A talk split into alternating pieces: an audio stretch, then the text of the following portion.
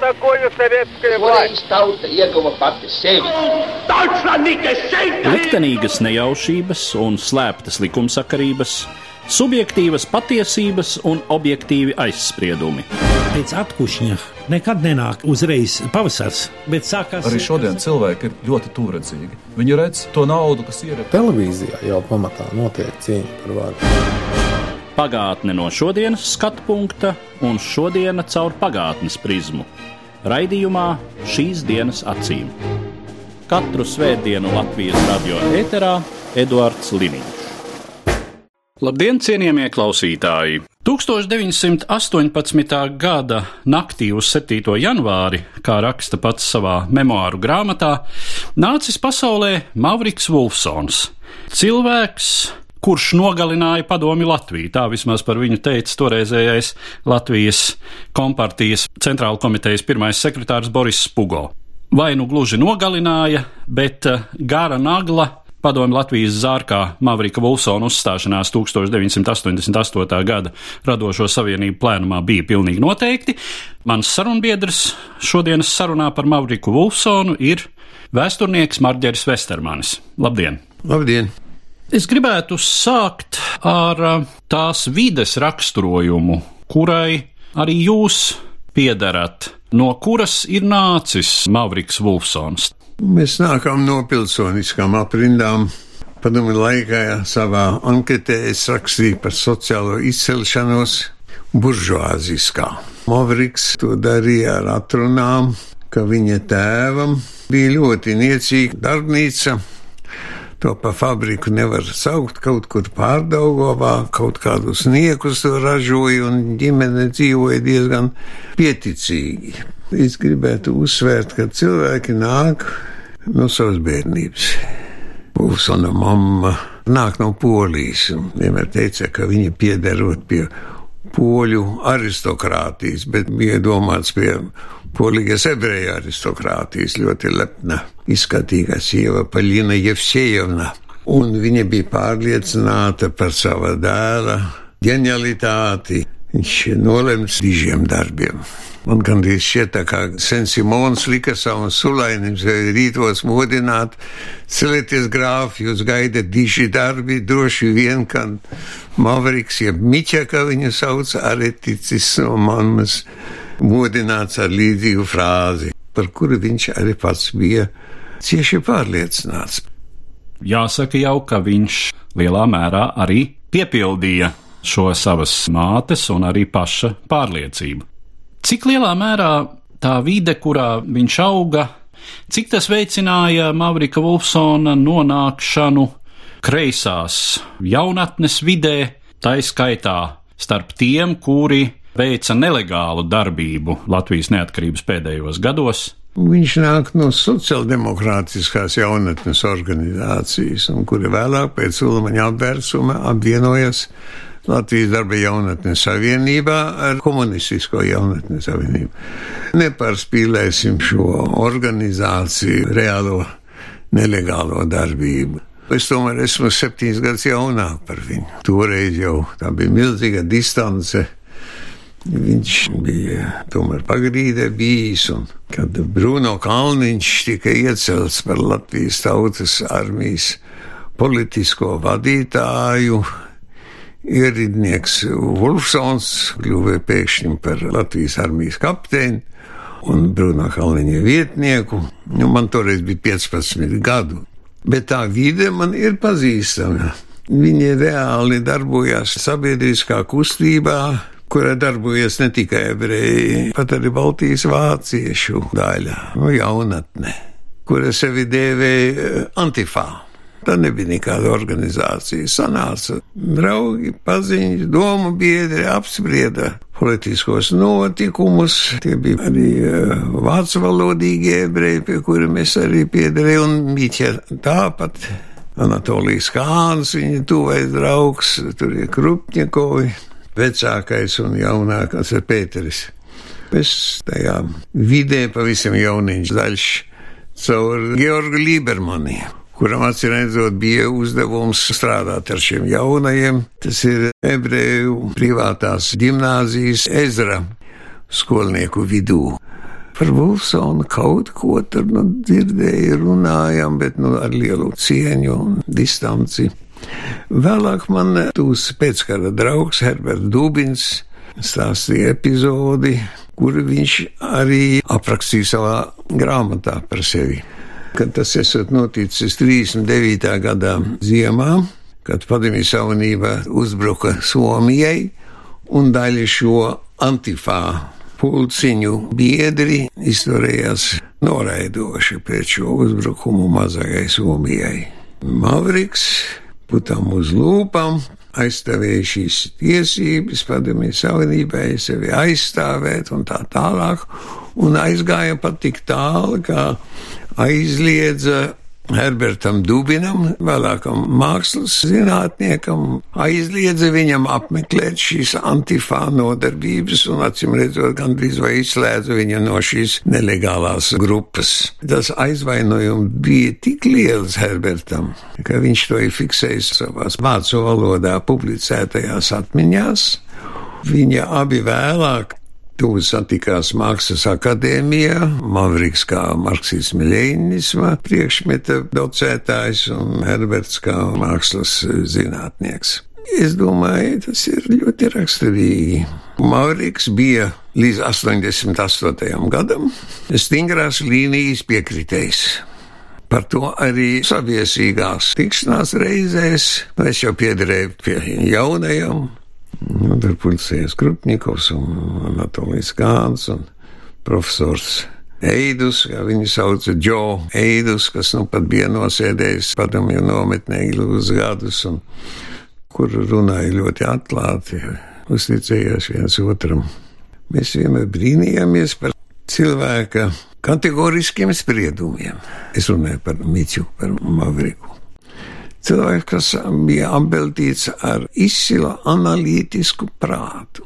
Ko tad izcēlās viņa pārraides globus? Viņš pārvaldīja, protams, angļu un vācu valodā. Tā jau bija viņa mācība valoda, sakot, franču valodu diezgan labi pārvaldīja un slepu klausījās radio.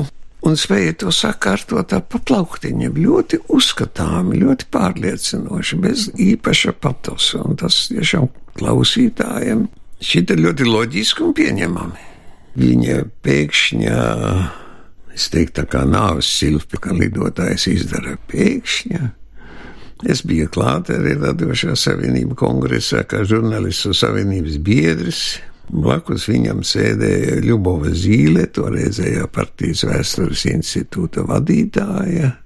Es neteiktu, ka mēs bijām satriekti. Būtībā tas jau nebija nekāds jaunums. Un akadēmiķa Drīzuļa apgalvojums, ka Latvija 40. gada pavasarī ir briedusi revolūciju, to jau neviens vēsturnieks nevarēja pieņemt.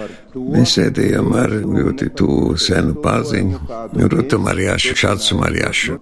Ko tad nu Miķa tagad teiks? Attiecībā uz 1940. gada vasaru notikumiem, kuriem bija absolūti unikāla Vēsturiska pagrieziena loma latviešu tautas likteņos. Esmu pēdējo mēnešu laikā saņēmis ap 200 vēstuļu no visām republikas malām, kura autori ir vecākas paudzes pārstāvi - skolotāji, kultūras darbinieki, agronomi, veterināri, zemkopi. Man sveši cilvēki, kas ir dzīvojuši 1940. gada vasarā un bijuši to notikumu acu liecinieki. Viņi kategoriski noraida mūsu versiju par revolucionāru situāciju Latvijā. Un šis viedoklis, diemžēl, par cik es esmu pasniedzējis un daudz tiekos ar mūsu jaunatni, no šīs vecākas paudzes uzskatiem ir pārgājis arī jaunatnes vidū, kur izturās galīgi skeptiski pret mūsu, ne tikai skeptiski, bet noraidoši pret mūsu versiju attiecībā uz notikumiem 40. gadā.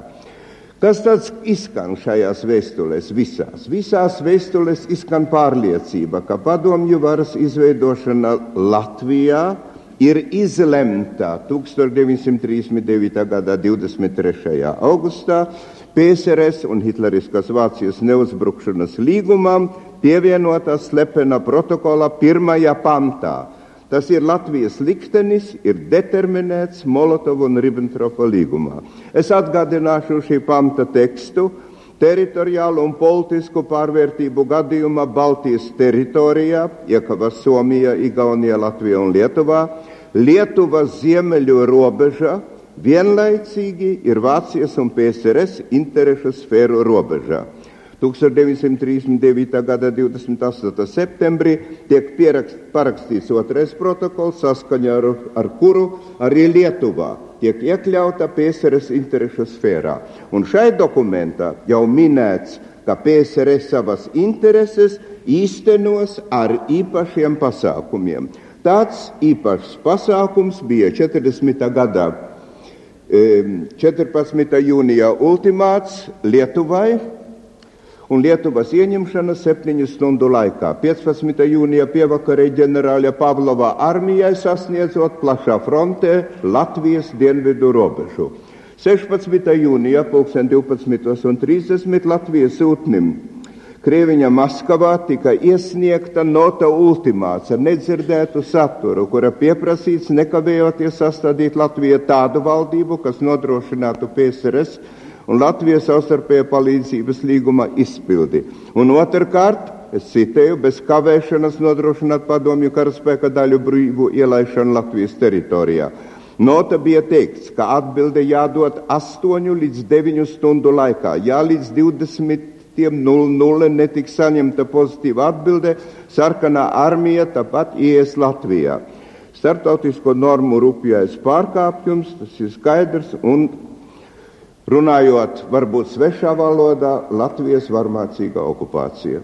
Kā zināms, Latvijas valdība, lai novērstu.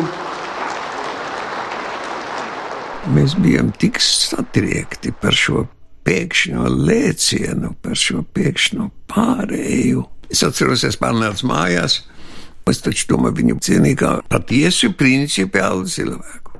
Cilvēku, kas gāja brīvprātīgi cīnīties frontē, Es bieži riskēju, ļoti riskēju. Ne tikai frontē, bet arī sabiedriskā dzīvē. Tiesa gan aiz viņa muguras stāvēja Kārlis Ozoliņš, cīņas redaktors. Nu, es viņu pazinu arī kā ļoti godkārīgu uz sabiedrības dievināšanu aprēķinātu izturēšanos, uzskata, kā koķetīgs, bet, nu, kurš ir bez vainas? Un ne jau tā ir kāda vaina. Mums visiem patīk laimi un komplimenti. Pie kakla saites viņam bija tāds tikpat kā tāds dzelzs krusts. To bija viņam uzdāvinājuši dzimšanas dienā Mākslas akadēmijas studentes par drosmi un atklātību. Es arī atceros šo improvizēto apbalvojumu, un nu, dzelzs krustu drīzāk jau tas atgādināja kādu ordeni par uzvaru lielajā tevijas karā.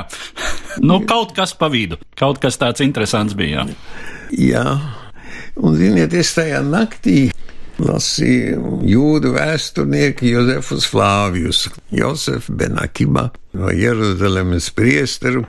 Kārtas, ļoti apdāvināts, ļoti izcils kurš bija viens no dedzīgākajiem judējas sacelšanas atbalstītājiem un vēlāk arī ne pats galvenais, bet vadītājiem, kuriem bija uzticēta ļoti svarīga beidzot cietokšņa aizstāvēšana, kurš padevās iekarotāju vispavēlniekam Vespazjānam pieņēma Vespazjānu ģimenes uzvārdu Flāvijas, ja Flāviju dzimta kā brīvlaistais gūsteknis, un kļuva par dedzīgu kosmopolitisma ideju sludinātāju.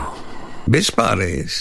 Ar to Jozefus Flāvijus iekaroja sev paliekošu vietu Romas sabiedrībā, viņam piešķīra Romas pilsonību, un mēs varam par šo Jozefu Flāviju domāt, kā nu mēs gribam.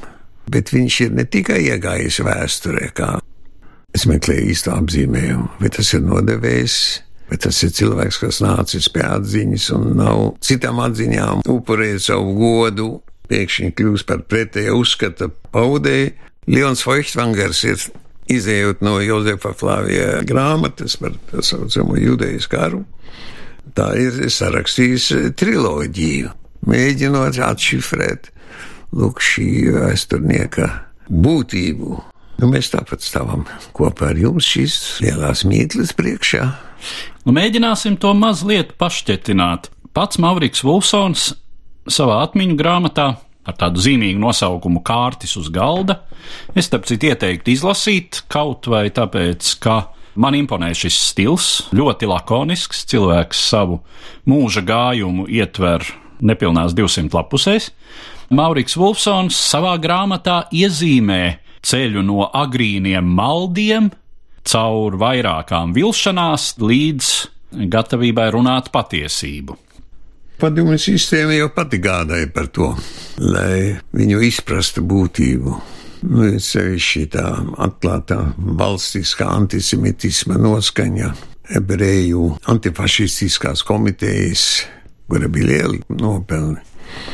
Visu locekļu apcietināšanu un 50. gada visi, ieskaitot slaveno aktieru Mihoils, visi tiek nošauti. Mūsu lokā Tas vēlreiz apstiprināja, ko šīs frāzes par tautu draudzību, par brālību, internacionālismu nozīmē realitāte. Nu, mēs jau visi arī to jutām ar attiecīgiem ierobežojumiem. Es nemaz nerunāšu par 53. gadu, kad janvārī sāka pravda un izvēsīja rīdīšana par ebreju ārstiem, kuri it kā esot nozvērinājušies visu padomju vadību nogalināt, un, protams, pašu tētiņu Staļina un tā tālāk. Tas taču nebija nekāds noslēpums, ka šķirotavā jau sāka virknēt lopu vagonus. Bija arī zināms, un tas ir neapšaubāms, šo ešalonu galamērķi uzsūrīja staiga.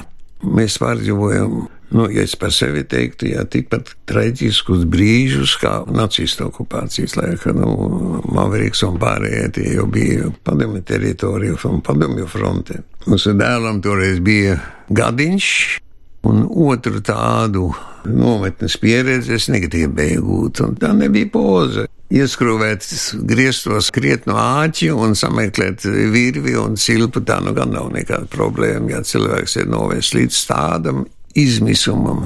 Ne tikai izmisums tāpēc, ka cieši ģimene, bet mūsu izmisums, ka asiņainais Stalina režīms bija mūsu vienīgā cerība nacistu okupācijas laikā Otrā pasaules karā. Kā tētiņš Stalins grib turpināt Hitlera aizsākto un nepabeigto, tas bija briesmīgs trieciens arī Miķam. Tur meklējām tā saknes viņa saltamortālē, es teiktu, neapšaubām. Bet kā viņš nostāsies tik kategoriski, Viņš taču bija analītiķis. Tas taču bija 39. gadā, kad Latvija parakstīja padomju savienību līgumu par padomju karaspēku bāzēm. Taču bija karš. Hitlers jau stāvēja pie Latvijas robežām, pie Klaipēdas. Skaidrs taču bija, ka viens neliels lēciens un Hitlers jau ir Baltijā. Padomju okupācija, padomju agresijas analīzi ārpus reālās militārās situācijas kad Hitlers grāva visu, ko, ko tik viņš vēlējās. Nu, protams, Stalins negribēja un nevarēja, starp citu, arī atpalikt. Mēs taču arī tā ļoti reāli domājam, kas mūs gaida. Hitlers vai Stalins? Nu, kā ebreji uzskatīja par mazāko nelaimi Stalinu, tas jau ir pats par sevi saprotams, bet ir ļoti plašas latviešu bezparteiskās, demokrātiskās aprindas uzskatīja arī Stalinu par mazāko nelaimi, ieskaitot ģenerāli balodi. Varbūt viņa naivitātes dēļ. Visnotaļ, jo arī latviešiem jau pret Vāciju un vāciešiem vispār bija ļoti dažāda attieksme un ļoti daudz priecājās. 39. gadā redzot viņus pakojot čemodānus un pametot Latviju uz visiem laikiem. Bet atgriežoties pie Mavrika Wolfsona, visnotaļ jau var ticēt tam, ko viņš pats raksta savās atmiņās, ka kā jauns ideālists viņš patiešām 40. gadā ticēja, ka ir iestājusies vispārējās vienlīdzības un laimes celšana, un tad virkne saskarsmes ar konkrēto padomju sistēmu tās izpausmēs viņu atvēsināja. Tas nav nekas unikāls jo ar padomju ideālismu slimoja ne tikai Saujiņa, Latvijas pirmskara pagrīdnieku, bet ļoti daudzi. Un, kā zināms, tādā vai citādā veidā līdzīgu sāpīgu atvadīšanos no ilūzijām ir piedzīvojuši piemēram Vizma Belševica, Ojārs Vācietis, vēl virkne Latvijas inteliģences pārstāvju. Vienīgi jautājums, nu, ja jūs sakāt, ka jūs viņu uztvērāt kā stingrās līnijas aizstāvi līdz pat 88. gadam. Tas, ko es mēģinu saprast, ar ko viņš varēja radīt šādu iespaidu, jo noliekot viņu vispārējā padomju, publicistikas, starptautisko komentētāju ierindā, nu, viņš tiešām izcēlās ar analītiskā prāta asumu, ar prasmi bez lieka patosa bez klaigāšanas par to, ka rietumu imperialisti. Nu, viņš neapšaubām bija inteliģents cilvēks. Tāda frāžainība, ar ko slimoja padomu presa, bija tiešām riebīga. Bet es tuvāk iepazinos ar viņu, vēl būdams otrā kursa studentiņš un revolūcijas muzeja jaunākais zinātniskais līdzstrādnieks. Es padomu jaunatnē varēju kaut ko uzdrošināties un vēlāk tomēr drīzāk pateicoties Kārļa Ozoliem, nevis Vulsona atbalstam. Viņš bija vienmēr ļoti stingrs un principiāls vērtētājs. Kad tik nepasprūk kaut kas tāds, protams, tas ir saprotams. Jo Kārlim Ozoliņam un cīņai bija, man šķiet, vienīgās tiesības visā padomju savienībā nākt klajā bez Maskavas cenzora. Mēs jau sākām sadarboties. Es tomēr esmu tāds urķētājs un mīlu arhīvus meklēt. Es uzgāju fantastisku dokumentu Rīgā. Atradās International Harvester Company birojas. Viņa Amerikas mašīnu daļas un lauksensības mašīnas piegādāja Latvijai un tā tālāk. Un tur ir redzams, ka šī amerikāņu firma mācu okupācijas pirmajās mēnešos pagarina savu līgumu, vēl jau Amerika nekaroja, Un arī 42. gadā pagarina šo līgumu līdz pat kara beigām. Mavriks uzķērās uz manas makšķeres pa visu lapusi, fotokopijām, jā, mēs svinējām lielu uzvaru. Un pēkšņi Laumaņielā viņa redakcijas istabā iezvanās telefons no Maskavas. Personīgi Višinskis. Mīķa bija balts kā līķis. Višinskis daudzstāvīgiem Grievu attiecīgiem vārdiem kvalificē viņu kā idiotu un neprašu. Natariš Višinski, tā, vinavat, vinavat. Kur tad bija tā vaina? Mēs tā nesapratām. Viņš mīlēja riskēt un mīlēja sensācijas, un kurš žurnālists gan to nemīlēja. Grāmata kārtas uz galda mēs ļoti sīki lasījām, un es personīgi pārdomāju ar saviem draugiem. Ir tāda vēsturniece Anita Kūglera no Berlīnas. Viņa pazina labi arī Wolfsonu, un man tā ir joprojām tuvu kolēģi un draudzene. Šo pēkšņo pārēju Latvijas, kā toreiz teica, nacionālistu pusē. Šodien mēs sākām Latvijas patriotu pusē. Šajā grāmatiņā šī pārējā nav interpretēta, nav paskaidrota tā arī palikusi mīkla. Rietumos 89. gada jau varēja pirmo reizi. Man izdevās saņemt vīzu uz Rietumvāciju.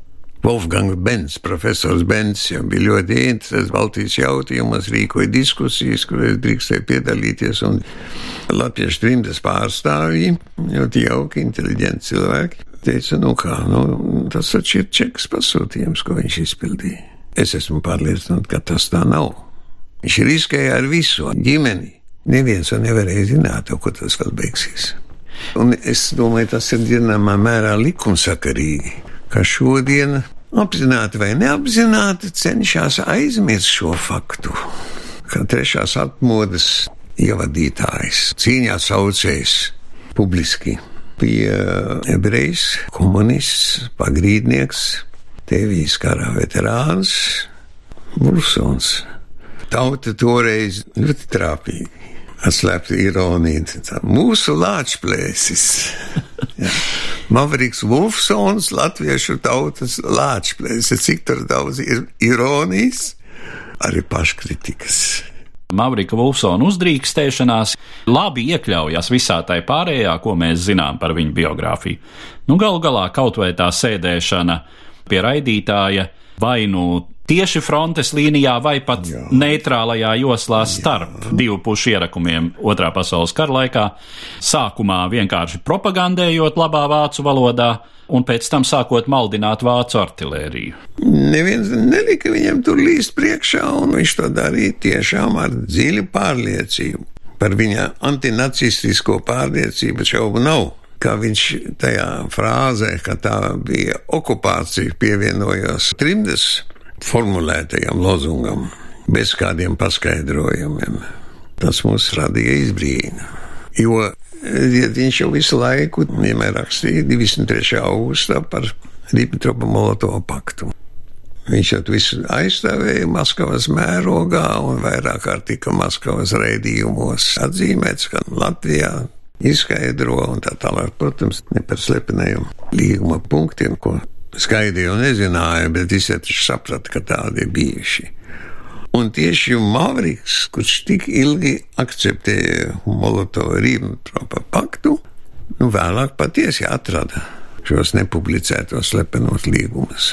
Bet viņš nepaskaidroja, kāpēc viņš kategoriski mums pat iznāca strīdus. Es tā mēģināju iet no otras puses, tas bija skolotāja avīzē. Es rakstīju tādu rakstu. Nu, kā es paskaidrošu, lūk, šo pēkšņo Stalina pārēju Hitlera pusē. Iedomājieties situāciju. Tālā austrumu robežām stāv Japāņu armija. Nemitīgi konflikti. Stalins redz, kā rietumi attālinās un demonstratīvi vienu pozīciju pēc otra nodod vāciešiem. Bez Minhenes nebūtu bijis Ribbentropa un Molotova pakta. Šos agresīvos slepenos nolīgumus no ētiskā viedokļa ne, nekā nevar neakceptēt un, protams, var tikai nosodīt. Bet tā taču bija politikas realitāte.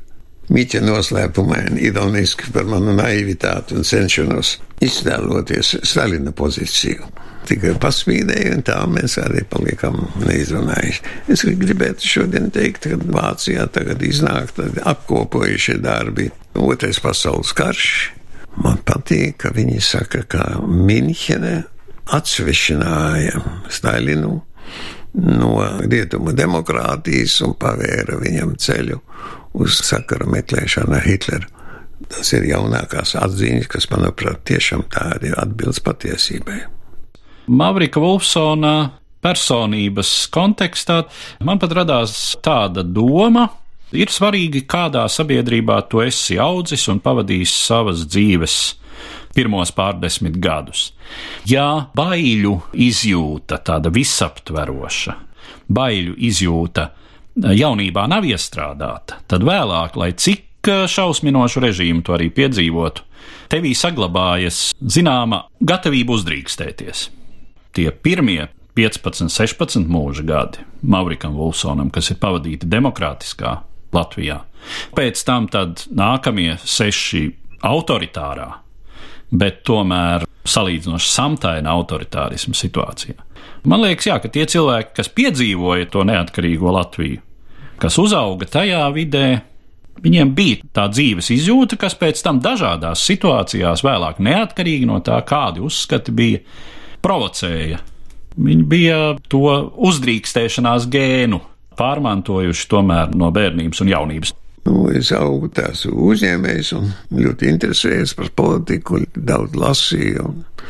Es autodidakts, jā, mēs vienmēr mācām avīzes un līdz 33. gadam Rīgas Runčau un vēlāk no Šveices varēja abonēt ļoti interesants analītiskus, politiskus review tas demokrātiskās brīvības gars jau ieplūda Latvijā. Cilvēki bija pieraduši pie tā, ka var diskutēt, ka var analizēt, ka var salīdzināt. Tas ir pavisam cits gars. Ja nu mēs novērtējam mūsu šodienas varoni Mauriku Vulfsonu, ieliekot viņu mūsu šī brīža vēstures uztveres ainā, kā jums šķiet, vai viņa veikums, viņa darbs Latvijas neatkarības atjaunošanā ir pietiekami un adekvāti novērtēts? Es domāju, ka nemaz nav novērtēts. Ir acīm redzama tendence neatgādināt viņa darbu Maskavā, augstākā padomē, apbrīnojamā kārta pat Gorbačovs viņu kaut kādā veidā bija, bija cienījis, sauc par profesoru. Ar Jākovļevu kopā strādāja. Es domāju, ka tieši tur tajās atklātās diskusijās Maskavā, kur lielā mērā izšķīrās arī politiskais kurs un attiecības pret Latvijas centieniem atjaunot savu suverenitāti, tur parādījās viņas spožais talants, Un tas joprojām nav novērtēts. Izņemot Jāni Petera, kas laiku pa laikam atgādina, mūsu nopelnas praktiski viņš pilnībā tiek noklusēts. Mūsu šīs dienas saruna ir, teiksim, mazs piliens tai pretējā kausā, un es ceru, ka tad, kad neatkarības atgūšanas vēsture tiks uzrakstīta pamatīgi un rūpīgi, darbs, kas vēl stāv priekšā Latvijas vēsturniekiem, tad arī Mavrika Vulfsona vārds tur ieņems vietu, ko tas ir pelnījis. Un ar šo es arī gribētu noslēgt mūsu šodienas sarunu, kas bija veltīta šī gada simtgadniekam Mavrikam Vulfsonam, un saku paldies manam sarunbiedram, vēsturniekam Marģerim Vestermanim. Katru svētdienu Latvijas radio viens par pagātni sarunājas Eduards Līniju.